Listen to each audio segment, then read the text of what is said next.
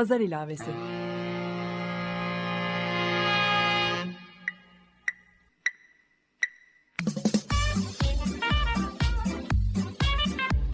...1936'dan günümüze 80 yıllık bir zaman tüneli. Hazırlayan ve sunan Didem Özbek.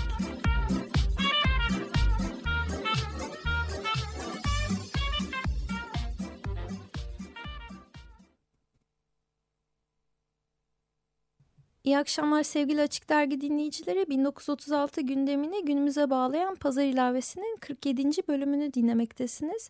Ben program yapımcınız Didem Özbek. Bir konudan diğerine ilerleyerek sürdürdüğüm pazar ilavesini sergi kelimesinin sözlük anlamından yola çıkarak ve Sayit Faik Abasıyan'ın Bir Karpuz Sergisi hikayesinin ilk kez yayınlandığı 20 Mayıs 1936 Çarşamba tarihli Kurun Gazetesi içeriğini günümüz gündemiyle ilişkilendirerek devam ettiriyorum. 2012'den beri üzerine çalıştığım çok katmanlı bir görsel sanat projesinin sözel çevirisini Açık Radyo'da sergiliyorum. Bugünkü pazar ilavesinde sizlere 20 Mayıs 1936 Çarşamba tarihli Kurun gazetesinde yer alan bir mahkeme ilamını dinleterek başlamak istiyorum.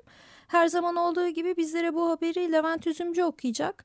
Devamında Avrupa İnsan Hakları Mahkemesi eski yargıçlarından ve 24. dönem İzmir Milletvekili olan Rıza Türmen'le bir telefon bağlantısı gerçekleştireceğim.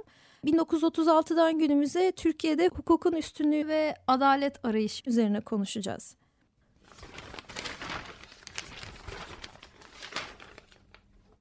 Kurun İstanbul Çarşamba 20 Mayıs 1936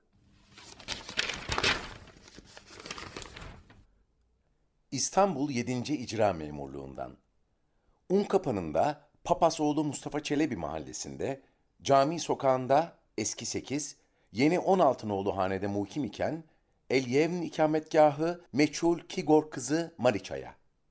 Fatma ve Şahber ve Hacer ve İhsan Nesimi'nin İstanbul Asliye 4. Hukuk Mahkemesi'nden 2367 nolu kanuna tevfikan 14.6.935 tarih ve 131 numarası ile istihsal eylediği ilan ve uhde-i tasarrufunuzda bulunan Un kapanında Papasoğlu Mustafa Çelebi mahallesinde cami sokağında eski 8, yeni 16 nolu hanenin mebni bulunduğu arsanın Kigorg uhdesinde bulunan Nısıf Gedik hissesinin 4 sehim itibariyle birer sehim olarak namlarına kaydının tahsiye hakkındaki ilan mevki icraya vaz edilerek 936-1344 numarayı teşkil ve tarafınıza berayı tebliğ tasdir kılınan icra emri ikametgahınızın meçhul olması hasebiyle tebliğ edilememiş ve icra emrinin 20 gün müddetle ilanen tebliğine karar verilmiş olduğundan bu müddet zarfında hükmü bil rıza infaz etmediğiniz veya icranın tehirine bir karar getirmediğiniz takdirde bermucibi hükmü ilan meskur hissenin mahkumu lehuma Fatma,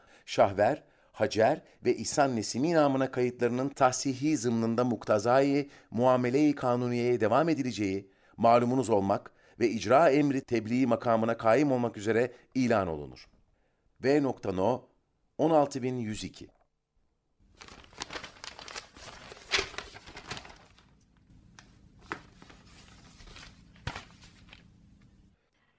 Merhaba Rıza Bey, Pazar ilavesine hoş geldiniz. Öncelikle hoş bulduk. Ülke gündeminin hız kesmeyen ivmesi karşılığında vakit ayırıp adalet arayışı üzerine benimle bu programda konuşacağınız için çok teşekkür ediyorum size. Estağfurullah. Ben Biraz- teşekkür ederim. Biraz önce Levent Üzümcü'nün sesinden 20 Mayıs 1936 Çarşamba tarihli Kurum gazetesinde yayınlanmış bir mahkeme ilamını dinledik. Bahsi geçen karar tam olarak ne anlama geliyor? Benim anladığım ki Gork kızı Mariçaya'nın bir evi var ya da bir arsası var ve o ortada yok. O yüzden komşusu Fatma ve Şahver ve Hacer ve İhsan Nesimi'ye mahkeme bu arsayı devrediyor diye anladım ben. Başka bir sorun mu var? Şimdi tabii ne olduğunu tam ben de anlayabilmiş değilim. Çünkü mahkeme kararı yok ortada. Ama 2367 sayılı kanun 1933'te çıkmış. İstanbul Adliye binasının yanması üzerine alınacak tedbirler hakkında kanun. Yani anlaşılan o ki adliye binasında yangın çıkmış ve Mariçaya'nın da bir takım evrakı yanmış. Gene buradan benim tahminim o ki bir icra söz konusu gayrimenkule taşınmaza haciz koydurmuşlar. Ve işte icra dosyaları yandığı için de tabii bu ne oldu ne bitti belli olmuyor tam. Fakat işte belirli bir süre gelmesi lazım, yenilenmesi lazım falan böyle bir takım şeyler var. Bunlar yapılamamış. Mariçaya çünkü yok ortada. Ve bu kişilerde Fatma, Şahfer, Hacer ve İhsan Nisimi de tapu kaydını üstlerine geçirmek için başvurmuşlar. Mariçaya da ortada olmadığı için bu mahkemece böyle bir karar almışlar. Burada deniyor ki işte 20 gün içinde itiraz edin buna. İtiraz süresi 20 gün. Tabii Mariçaya yok ortada. İtiraz edemeyecek. O yüzden de bu kişiler Mariçaya'nın taşınmazını kendi tapularına kaydettirmiş oldular. Böyle bir şey var galiba. Anladım. 1936'dan 2016'ya ben günümüzü bağlıyorum. Bir de 1936'da bu çok hani önemli vakıflar yasası çıkmış azınlık evet. mülkleriyle ilgili. Bu Kigork kızı Mariçaya'nın adını görünce açıkçası ve çok ağır bir hukuk dili olduğu için onunla bağlantısı olmadığını bilsem bile o dönemde acaba hani ülkeyi terk etmiş kişilerin malları mülkleri komşularına devredilebiliyor mu diye de düşünmedim değil açıkçası. Hayır şöyle gayrimüslimlerin mallarıyla ilgili iki problem var 1936'da. Günümüze kadar gelen problemler bunlar. 1936'da bir kanun çıkıyor. Deniyor ki gayrimüslim vakıfları ellerindeki malları beyan etsinler. Onun üzerine gayrimüslim vakıfları ellerindeki malları kendi kayıtlarında olan malları beyan ediyorlar. Fakat ondan sonra başka bir karar çıkıyor. Kararla deniyor ki vakıfların 36 beyannamesine koydukları mallar onların vakıf senedidir. Bununla sınırlıdır. Bunun dışında malik olamazlar. Mülkiyet edinemezler. Ve ondan sonra 1936 beyannamesinde gösterilmeyen bütün mallar bağış yoluyla ya da miras yoluyla gayrimüslim vakıflara geçmiş mallar hazine tarafından alınıyor. İrat kaydediliyor. Ellerinden alınıyor. Bu tabii büyük problemlere yol açtı. Yani bu vakıflar yaşaması için bir yoldan oradaki cemaat bağış yapıyor. Vasiyet yapıyor. Öldükten sonra benim gayrimenkulüm bu şu şu vakfa verilsin. Bunlar hazine tarafından alındı ellerinden. Çünkü sizin bu şeylere sahip olmanız kanunen yasaktır dendi. Bundan yıllar sonra Avrupa İnsan Hakları Mahkemesi'ne geldi. Ve Avrupa İnsan Hakları Mahkemesi'nden mülkiyetin ihlali kararları çıktı. Yani işte Fener Rum Erkek Lisesi Vakfı, Samatya Surp Kevork Ermeni Kilisesi Mektebi ve Mezarlığı Vakfı filan bunun gibi birçok gayrimüslim vakıflar bu davaları Avrupa İnsan Hakları Mahkemesi'ne getirdiler. Ve bu davaları Türkiye hepsini kaybetti ve çok büyük tazminatlar ödedi bu vakıflara. Ondan sonra bu kanunu değiştirdiler. Tabii burada 1974'te çıkan bir Yargıtay kararı çok enteresandır. Bu vakıflarla ilgili. Diyor ki Türk olmayan vakıfların mülkiyetlerini genişletmesi güvenlik açısından doğru değildir falan. Yani bunlar halbuki Türk vakıfları. Bu Türk olmayan vakıflar falan değil. Bunlar Türk vakıfları. Yani gayrimüslimleri Türk saymıyor Yargıtay 1974'te. Bir problem bu. Bu problem kısmen düzeltildi şimdi. Yeni bir kanun çıkartıldı filan ve dendeki hazine elindeki işte bu gayrimüslim cemaat vakıflarına ait taşınmazları onlara devretsin. Hazine bunu yapıyor. Fakat buradaki problem tabii hazine bunları üçüncü kişilere satmışsa, üçüncü kişiler buna malikse o ne olacak? O problem henüz tam çözümlenebilmiş değil. Bir bu problem var 1936'larda çıkıp günümüze kadar gelen. Bir başka problem vakıf olmayan Türkiye'de yaşamış özel gayrimüslim kişiler. Yani annesi babası Türkiye'de doğmuş büyümüş Rum. Ondan sonra Yunanistan'a göç etmişler. Çocuğu Rum vatandaşı ve Türkiye'de bir takım mallar mülkler var. Bunlara sahip olma problemi var. Yani miras yoluyla bu özellikle sorun çıkarıyor. Buna izin verilmedi çünkü dendi ki yıllarca Yunan etnik kökenli yabancıların Türkiye'de mal sahibi olmaları, mülkiyet sahibi olmaları taşıma sahibi olmaları ancak mütekabiliyet esasına göre yapılır.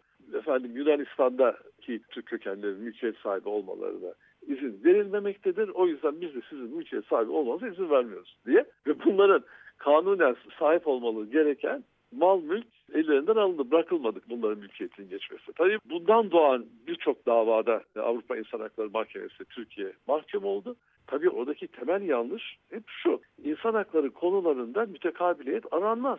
Yani ben senin vatandaşına işkence yapıyorum. Sen de benim vatandaşıma işkence yap denmez. Ya da sen benim vatandaşıma işkence yapıyorsun. Onun için ben de bundan sonra senin vatandaşına işkence yapıyorum diye böyle bir şey olamaz.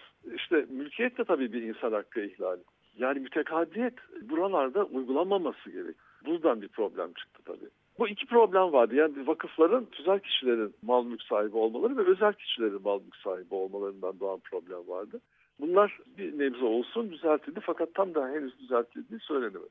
Yani Türk vatandaşıysanız şunu bilmek lazımdır ki sizin mülkiyet hakkınız hiçbir zaman güvence altında değil. Devlet her zaman buna bir şekilde el koyabilir. Bu çeşitli şekillerde olabilir. Gayrimüslimseniz tabii öyle. Ama gayrimüslim değilseniz de mesela el koyma yasası vardı yakın zamana kadar. El koyma yasası şuydu. Güvenlik nedeniyle devlet gözüne kestirdi gayrimenkulü kendi mülkiyetine geçirebilirdi sizin elinizden alıp ve bedel ödemeden.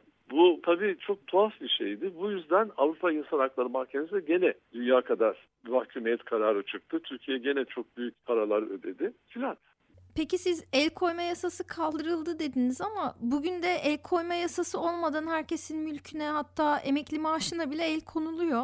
Evet işte bugün de bu OHAL kanunu gereğince kişilerin elindeki malları, mülkleri alınıyor. İşsiz bırakıldıktan sonra, tutuklandıktan sonra bir de malı mülke alınıyor elinden. Bu tabii sadece kendisiyle ilgili bütün ailesini cezalandırmak. Bir de tabii böyle bir hakim kararı olmadan, bir yargı kararı olmadan elinizdeki malın mülkün tamamen bir idari kararla alınması kabul edilemez.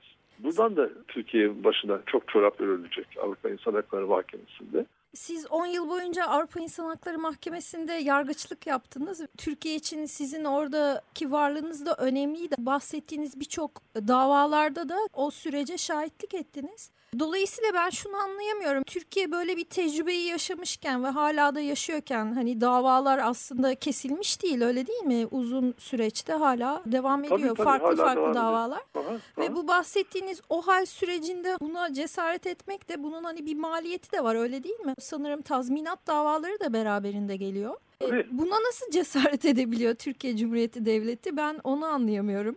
belki biraz daha genel açıdan bakmak lazım buna. Çünkü o hal bir istisna dönemi, bir istisna hukuku ama o istisna döneminin de kendi hukuk kuralları var. Yani hukuk tamamen ortadan kaldırılmış değil, hukuksuzluk demek değil o hal. O halin kendine has hukuk sınırlamaları var. Nedir bu sınırlamalar? İşte yapılan işlemler, tedbirler, önlemler o halin konusuyla, amacıyla ilintili olmalı ve o hal süresiyle sınırlı olmalı. Çünkü alınan önlemler sona erecek. Kanun hükmündeki kararnameler otomatikman sona eriyor o hal kalktıktan sonra. O yüzden o hal kalktıktan sonra kalıcı olabilecek önlemler alınmamalı ve alınan önlemler o halin amacına uygun olmalı. Yani o halden çıkıp normal hale dönüşmesine yol açacak önlemler olmalı.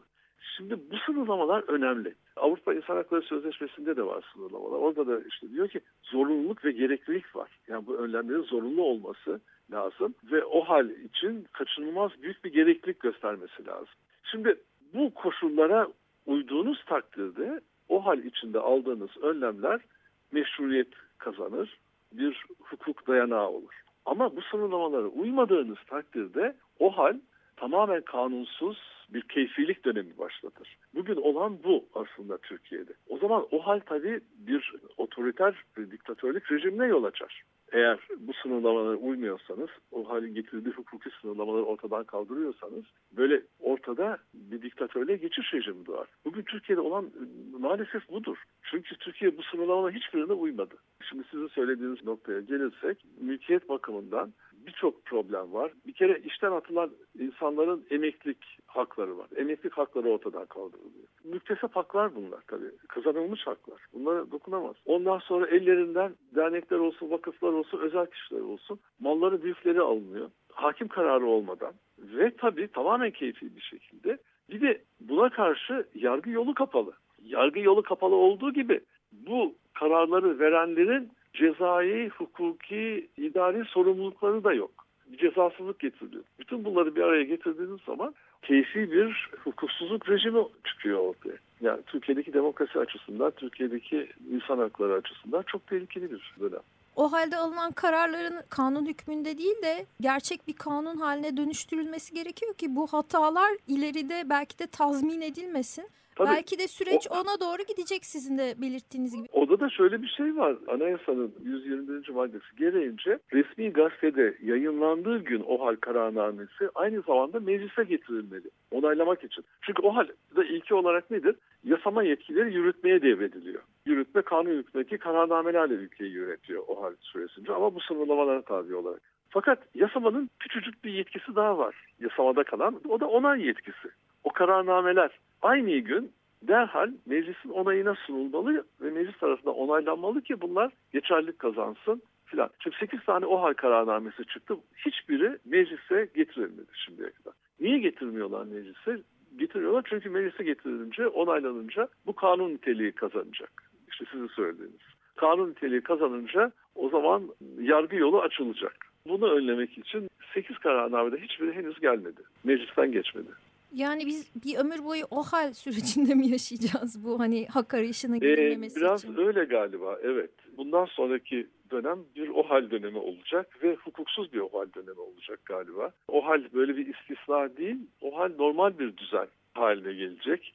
Normal düzen belki istisna olacak Türkiye'de. Bundan sonra bizi bekleyen böyle bir gelecek var. Gerçekten benim için üzücü olan azınlık malları mülkleriyle süre gelen davaların artık hani azınlıkla çoğunluğun birbirine karıştığı davalara dönüşmüş olması. Gelecek yıllarda ben 80 yıl üstünden programımı kurgularken bir sonraki 80 yıl 2096'daki Tabii tabii.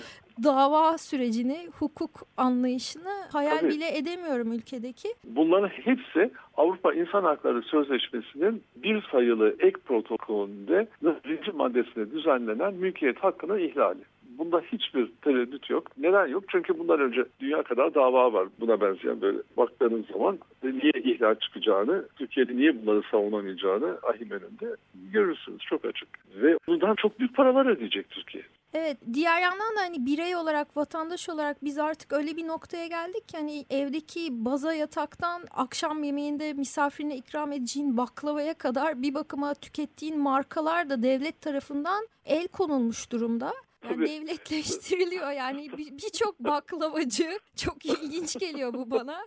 Hani salondaki koltuk kanepe şöyle bir insan oturunca bir düşünür herhalde değil mi yani? Bir yandan hayat çok normalmiş gibi etrafında bütün bu markaların reklamları bir yandan bunların sahiplerinin hapse girdiği ve bu markalara devletin el koyduğu haberlerini de okuyoruz. Sadece hani mal mülk değil e, insanların her halükarda terörist olarak adlandırılma süreci de artık evrim değiştirmiş durumda. Bunca yıl seni kutsayarak bugünlere getirdiğin markalar artık çok farklı şekilde algılanıyor. Evet ama bu, bu şeyden kaynaklanıyor. Yani o hal sadece darbeyle sınırlı olması gerekirken o hal kararnamesinin başına alınacak önlemler hem darbeye karışmış olanlarla ilgili hem de terörle mücadeleyle ilgili dediler. Tabii terörle mücadeleyi içine kattığınız zaman nerede başladığı, nerede bittiği belli olmayan bir alana giriyorsunuz. Çünkü bizde zaten terörle mücadele kanunundaki kavramlar belirsiz, son derece geniş, yanlış filan. Bir de tabii böyle her şey terörün içine sokabilirsiniz. İşte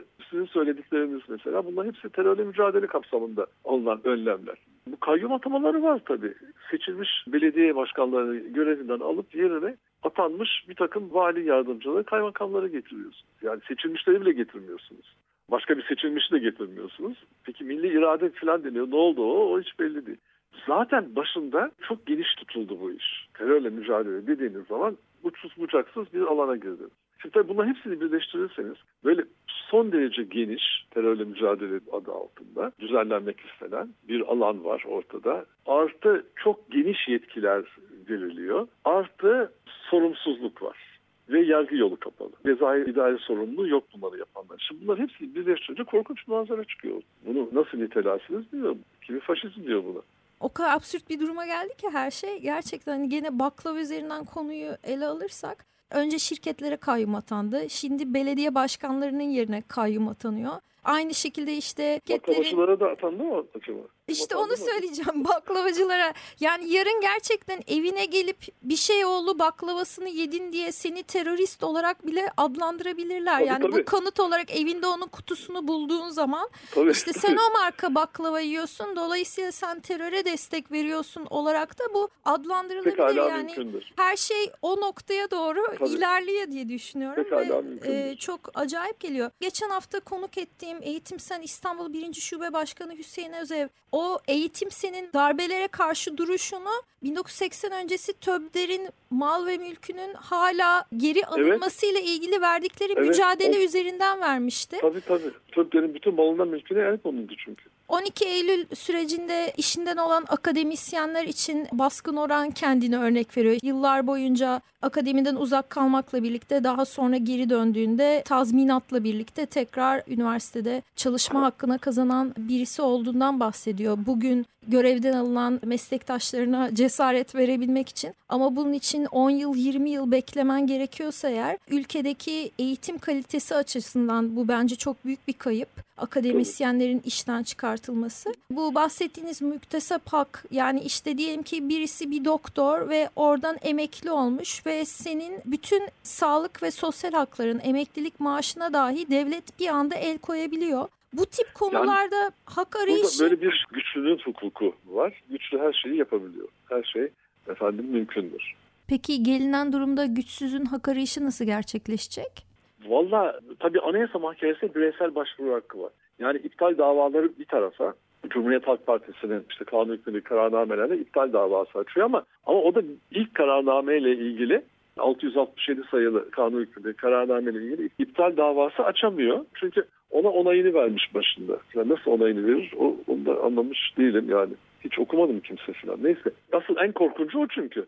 Ama iptal davaları ayrı bireysel hakları, temel hak özgürlükleri ihlal edilenler, zarar görenler, insan hakkı bakımından hakları ihlal olanlar Anayasa Mahkemesi'ne başvurabilirler. Bireysel başvuru haklarını kullanabilirler. Anayasa Mahkemesi bu davaları reddederse hemen ahime gidebilirler. Çok fazla uzun bir yol değil. Yani Anayasa Mahkemesi'nde bir yıl mesela tutsa hemen ahime gidebilir. Ahimde de birkaç yıl tutar. Öncelik verilmesini isteyebilir. Ahim bunlara öncelik verir. Çünkü binlerce dava gelecek şimdi ahime bu binlerce davaya bakması imkan yok. Avrupa İnsan Hakları Mahkemesi bu gibi durumlarda ne yapıyor? Bir pilot dava seçiyor. O pilot davayı karara bağlıyor. Ondan sonra diğer bütün davaları görüşmeden otomatik bir şekilde sonuçlandırıyor. Pilot dava benzer bir şekilde. Gene aynı şeyi yapacak. Tabii alır bir 2-3 yıl alır falan ama işte o kadar.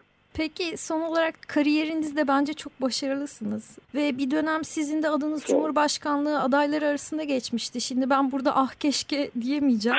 Hani bunun geri dönüşü yok. Ancak gerçekten gönlümden geçmiştiniz. Onu da belirtmek istiyorum. Ee, şimdi hani ben 1936'dan 2016'ya bağlıyorum ya. Sizi 1936'ya geri göndermek istemiyorum ama lise yıllarınızda tekrar geri dönerseniz bugün tekrar hukuk okur muydunuz? Ve hani geçmişe göre yeni yeni Türkiye'de hukuka olan inancınız, ihtiyaç nedir sizce? Hukuk okurdum çünkü eğer böyle bir mücadele duruş koymak istiyorsanız hukuk size çok yardımcı oluyor. Hele insan hakları hukuku özellikle böyle çünkü bir baş kaldırma var insan hakları hukukunda her zaman. Güçlüye karşı bir direniş var. Ve orada bir güçlüye karşı bir güçsüzün hukukunu yapmaya çalışıyorsunuz filan. Bu bana iyi geliyor. Hukuka olan inanç tabii çok önemli bir şey. Hukuk devletinin ayakta durması için halkın yargıya güven duyması lazım. Yani yargının haklıyı ve haksızı ayırma becerisine sahip olduğuna, adaletin gerçekleştiğine inanması lazım. Ama bütün bunlar için her şeyin başında yargının tarafsız ve bağımsız olduğuna inanması lazım. Türkiye'de bu güven yok. Çünkü kimse yargının bugün Türkiye'de tarafsız ve bağımsız olduğuna inanmıyor. Bağımsız bir yargıdan söz etmek mümkün değil bugün. Tamamen siyasileşmiş, araçsallaşmış, yürütmenin bir parçası haline gelmiş. Hele şimdi büsbütün öyle olacak. Bir yargı var. Yani yargıçların kendilerini her türlü dış dünyadan ayırarak, ideolojilerden ayırarak, bir takım kendi inançlarından ayırarak adaleti gerçekleştirmekle ilgili kişiler olarak görmeleri lazım. Tabii bir sorumluluğun bir parçası hükümetle ilgili. Hükümetin de çünkü yargıçların bağımsızlığını sağlayacak bir duvarla örtmesi lazım yargıyı. Yani dış dünyadan hiçbir şekilde etkilenmeyecek bir duvarla örtmesi lazım. Bizde böyle değil. Bizde tam tersine. İktidar yargıyı kendine bağlamak için ne yapmak gerekiyorsa onu yapıyor. Sonra bir bakıyor ki getirdiği yargıçlar kendisinden olduğunu zannediyor. Cemaate mensupmuş. Hadi bu sefer onları değiştiriyor falan. Yani böyle korkunç bir manzara ortaya çıktı. Siz dünya neresinde gördünüz böyle yüksek mahkemedeki üye sayısı önce 160 kişi ilave edilsin 2010 referandumundan sonra 500'e çıksın Yargıtay'ın üyelik sayısı 200 iken. Ondan sonra bir de bakılsın ki bunlar galiba cemaat üyesi deyip bu sefer tam tersine 100-150 düşürülsün filan. Böyle oyuncak mı? Tabii böyle bir yargıda kimsenin yargıya güveni kalmaz. Yargıya güveni kaldırdığınız anda bireysel olarak da kimsenin güvencesi yoktur. Yani insanlara bunu anlatabilmek lazım. Bu sadece bir toplumsal mesele değil, zamanda bireysel mesele değil. Hiçbir güvencesi yoktur bireyin. Ve bireyin doğrudan doğruya gündelik hayatını etkileyecek bir şeydir. Böyle bir güvenecek yargının, bağımsız bir yargının olmaması. Bunu insanların anlayabilmesi lazım. İşte anlatabilmek lazım. Böyle. Ancak herhalde başına gelince insanlar bunu daha çok anlayabiliyorlar. Belki üzücü, belki de Evet. hani bu süreçte sevindirici de bir durum olacak diye düşünüyorum. Çeken bilir. Sevgili Rıza Türmen, Pazar ilavesine katılıp konuğum olduğunuz için çok teşekkür ediyorum. Estağfurullah ben çok teşekkür ederim. Benim zaten Açık Radyo'ya çok gelmek istiyordum. Böyle bir yakın dostlar vardı veya borcum vardı. Bunu ayrıca yerine getireceğim. Çok teşekkürler. İyi Ben çok çalışmalar teşekkür ederim. diliyorum. Evet sevgili dinleyiciler, Pazar ilavesinin bu bölümünü adalet mülkün temelidir diyerek bitirmek istiyorum. Sevgili Rıza Türmen'in özet aktarımıyla 1936'dan günümüze ülkemizde adalet arayışı sürecinde karşılaşabileceklerimiz adına bence çok iyi bir yön gösterici oldu bu bölüm. Pazar ilavesinin içeriğiyle ilgili bilgileri Pazar ilavesi Twitter, geçmiş bölümlerin podcastini açıkradyo.com.tr ve Pazar ilavesi blogspot.com adresinden dinleyebilirsiniz. Son 3 bölüme hazırlanırken ben Didem Özbek haftaya yeni bir pazar ilavesinde görüşmek üzere diyorum.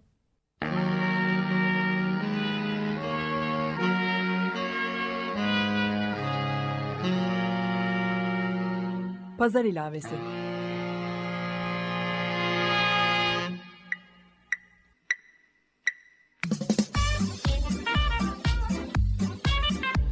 ...1936'dan günümüze 80 yıllık bir zaman tüneli. Hazırlayan ve sunan Didem Özbek.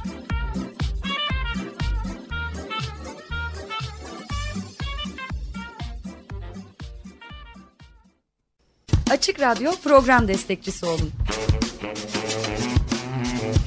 Bir veya daha fazla programa destek olmak için 212 alan koduyla 343 41 41